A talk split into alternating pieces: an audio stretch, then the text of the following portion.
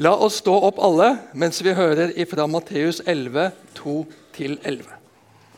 I fengselet fikk Johannes høre om alt Kristus gjorde. Han sendte bud med disiplene sine og spurte er du den som skal komme, eller skal vi vente en annen.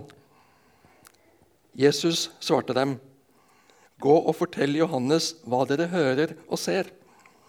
Blinde ser, og lamme går. Spedalske renses, og døve hører. Døde står opp, og evangeliet forkynnes for fattige. Og salig er den som ikke faller fra på grunn av meg. Da de gikk, begynte Jesus å tale til folket om Johannes. Hva dro dere ut i ødemerken for å se? Et siv som svaier i vinden? Nei. Hva gikk dere ut for å se? En mann kledd i fine klær? De som går i fine klær, bor i kongenes slott. Hva gikk dere da ut for å se? En profet? Ja, jeg sier dere, mer enn en profet. Det er om ham det står skrevet. Se, jeg sender min budbærer foran deg. Han skal rydde veien for deg. Sannelig, jeg sier dere, blant dem som er født av kvinner, har det ikke stått fram noen større enn døperen Johannes. Men den minste i himmelriket er større enn han. Slik lyder Herrens ord. Vær så god, sitt. Ulike mennesker har tolket utgangspunktet i dagens bibelavsnitt litt forskjellig. Noen har tolket det som et pedagogisk grep av døperen Johannes for å sende disiplene sine til Jesus, så de skulle se selv. Andre har tolket det som Johannes sin egen tvil. Jeg tror at mørket har senket seg over Johannes. Han er urolig. Han har det ikke godt. Tvilen har grepet tak i hjertet hans. Han finner ingen ro. Det var ikke dette han hadde sett for seg. Han har stått opp for Jesus. Han har vitnet frimodig om Jesus.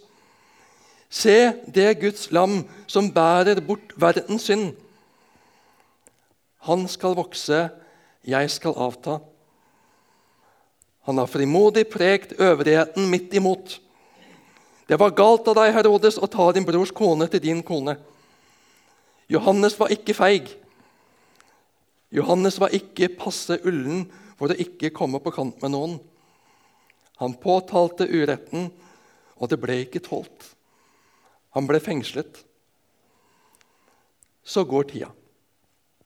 Det er mørkt, det er kaldt.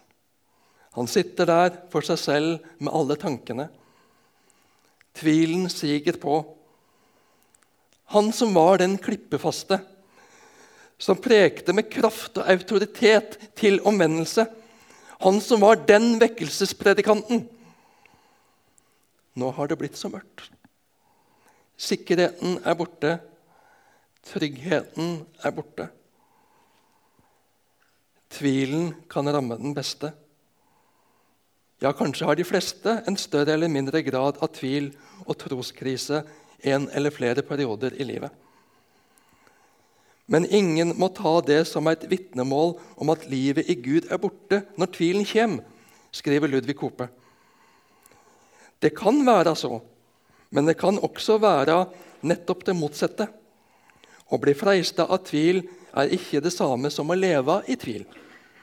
Det er stor skilnad på å møte en fiende til strid og la seg fange av han. Tvil er ikke det motsatte av tro. Tvil kan være en kjempende tro. En tro som kjemper seg til fastere grunn under føttene. Tvil kan være en fristelse. En fristelse til å ikke ville ta standpunkt henge på gjerdet, dyrke tvilen. En uforpliktende, komfortabel tvil.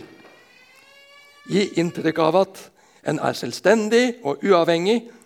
Ikke helt avvisende, men heller ikke grepet av det. På avstand. En uforpliktende avstandstvil. Det er helt avgjørende hva en gjør med tvilen. Tvil som fører til at en undersøker ærlig sjekker premissene for sin tro, er en sunn tvil og gjør at den står stødigere etterpå. Men tvil som fører til at en dyrker tvilen, søker i andre retninger, vil finne feil, lar andre sette premissene som bygger på en helt annen tro, det fører bort. Det fører en på villspor. En som kjenner på tvil, kan velge å dyrke tvilen. Nei, jeg føler ikke for å lese i Bibelen nå. Er det egentlig noe vits i å be? Jeg føler ikke for å gå på gudstjeneste og møter i dag. Jeg er i grunnen usikker på hele greia. En slik tilnærming gir ingen oppklaring eller avklaring, men det er ganske sikkert at den sklir sakte, men sikkert bort fra troen. Bort fra relasjonen med Jesus. For troen får ikke næring. Enhver relasjon vil før eller siden dø hen uten møtepunkter. En mer real tilnærming til tvilen er å gå til Jesus med den. Jesus, er du der? Kan jeg stole på deg? Kan jeg bygge livet på deg? Avkreve ham et svar og gi ham mulighet til å svare deg gjennom Bibelen ved at du leser med et åpent hjerte og oppsøker ham i hans hus. Blant de som vil høre ham til og følge ham. Da kan tvilen få avklaring. Hva er det Johannes gjør? Jo, han går til Jesus med tvilen. Det vil si, han kan ikke gå, han sitter fanget. Men han sender noen som han har tillit til, til Jesus. Han sender dem med spørsmålet Er du den som skal komme, eller skal vi vente på en annen? I måten han spør på, så ligger det Er du den Messias som skal komme, eller skal vi vente på en annen? Hvordan svarer Jesus? Han begynner ikke å overtale og forsikre dem at jo, det er sånn, det er meg, bare tro, ikke tvil, dette går så fint, så. Nei. Jesus meddeler fakta om hva som skjer. Gå og fortell Johannes hva dere hører og ser. Blinde ser, og lamme går, spedalske renses, og døve hører. Døde står opp, og evangeliet forkynnes for fattige. Men var det svar på spørsmålene? Ja, det var akkurat det svaret som Johannes trengte. For Johannes kjente de hellige skriftene. Han kjente profetiene om Messias som skulle komme. Han kjente kjennetegnene på hva som skulle skje når Messias kom. Og nå får han høre at det er akkurat det som skjer, slik det er profetert. Begynnelsen av Jesus' svar refererer Jesaja 35, 56, hvor vi finner en profeti om helbredelse av blinde, døve, lamme og stumme. I Jesus' svar så er de stumme utelatt, mens spedalske og døde er føyd til. Såpass fritt var folk på Jesu tid vant til at Skriften kunne siteres, poengterer Odd Sverre Hove, og fortsetter. Jesu lille tilføyelse er dessuten neppe tilfeldig. For ikke minst dødeoppvekkelsene er avhengig av en makt som bare Gud rår over. Ved å sitere fra Jesaja 35 om sin egen virksomhet anvender Jesus på seg selv roller som i originalteksten hos Jesaja tilskrives Gud. Slutten av vers 5, 'Evangeliet forkynnes for fattige', er sitat fra Jesaja 61,1. Der Messias selv profetisk fører ordet. Blant annet sier han, 'Herren har salvet meg til å bringe gledelige nyheter til fattige'. Bakgrunnsbildet er datidens journalister. Løperne som kom springende over fjell og dal med gode nyheter. Og her er det ikke økonomisk fattigdom som er hovedpoenget, men deres åndelige fattigdom. De er fattige på det som skal til for å bli frelst. Og Den gledelige nyheten til slike fattige er at Guds Messias kommer med frelse. Altså, Gjennom de gamle testamentlige sitatene Jesus bruker, så identifiserer Jesus seg for døperen Johannes som guddommelig, som Messias, som den kommende. Og Jesus tilføyer og salig er den som ikke faller fra på grunn av meg. I Norsk Bibel 88 leser vi 'ikke tar anstøt av meg'. Det greske uttrykket 'skandalon', derav skandale. Jesus satte skillet mellom mennesker. Johannes hadde vært radikal. Jesus var ikke mindre radikal. Noen hyllet Jesus og var begeistret, mens andre murret og opplevde sin posisjon truet av Jesus. De tok anstøt av ham. Jesus er ikke en vi kan forholde oss likegyldig til. Jesus krever at vi tar stilling. Hvem sier dere at jeg er? spør Jesus. Hvem er Jesus for deg? Hvem er Jesus for meg? Jesus påberoper seg å være Gud. Jesus krever å være Gud i ditt og mitt liv. Han vil så gjerne være din og min frelser. Får han være det. Det er skandale om han ikke får være det, for da står vi utenfor frelsen. Men vi er salige. Vi er på himmelvei om vi tror ham, tar imot ham som frelser og Herre som Gud i våre liv. Jesus stilte folk på valg da, og han stiller folk på valg nå. Jesus kommer ikke ut av intet. Han er ikke bare en mirakelmann som dukker opp av nowhere. Profetene har fortalt om ham. Skriftene har forutsagt hans komme. Gud har forberedt hans ankomst i folket for at de skal se, for at de skal tro, for at de skal ta imot og bli frelst. En kan ha en tvilende tilnærming, eller en kan ha en fordomsfri og tillitsfull tilnærming til Jesus. Det er underordnet. Bare en er villig til å lytte til ham, så han kan få vekke tillit i deg. Jesus virker ikke i det skjulte. Det var ingen hemmelighetsskremmerier. Det var åpenhet etterprøvbarhet, troverdighet, for at alle som får høre, skal kunne fatte tillit, komme til tro og bli frelst. Når de som kom med spørsmålet, dro tilbake til Johannes med det solide svaret, så begynner Jesus å snakke til folket om Johannes. Johannes var han som hadde hatt oppmerksomheten. Det var Johannes og folk dro mannen av huset for å se og høre. Nå er han fengsla. Jesus er den nye stjernen som folk oppsøker og vil se og høre i aksjonen. Men Jesus løfter Johannes opp for å snakke godt om han. Kanskje hadde folk begynt å baktale Johannes. Det måtte jo gå sånn, slik som han snakka. Han var ikke akkurat noen diplomat. Men Jesus løfter Johannes opp. Hvem var det dere gikk ut i ødemarken for å se? En profet? Ja, mer enn det. Det er ikke noe menneske født av kvinner større enn han. Hva slags mennesker synes du det er godt å være sammen med? Er det ikke slike som ser deg, som gir deg en opplevelse av å ha verdi? Det er slitsomt og nedtrykkende å være i lag med mennesker som skal ha all oppmerksomheten sjøl og som snakker nedsettende om andre, som stadig har noe å kritisere hos andre. Vi har et uttrykk på norsk 'æres den som æres bør'. Jeg har lyst til å strekke det litt lengre. Æres den som æres kan. La oss ivre etter å snakke vel om hverandre. Ivre etter å rose hverandre. Ivre etter å løfte hverandre opp. Det er nok av ting som trykker ned. Det er så lett å mistro.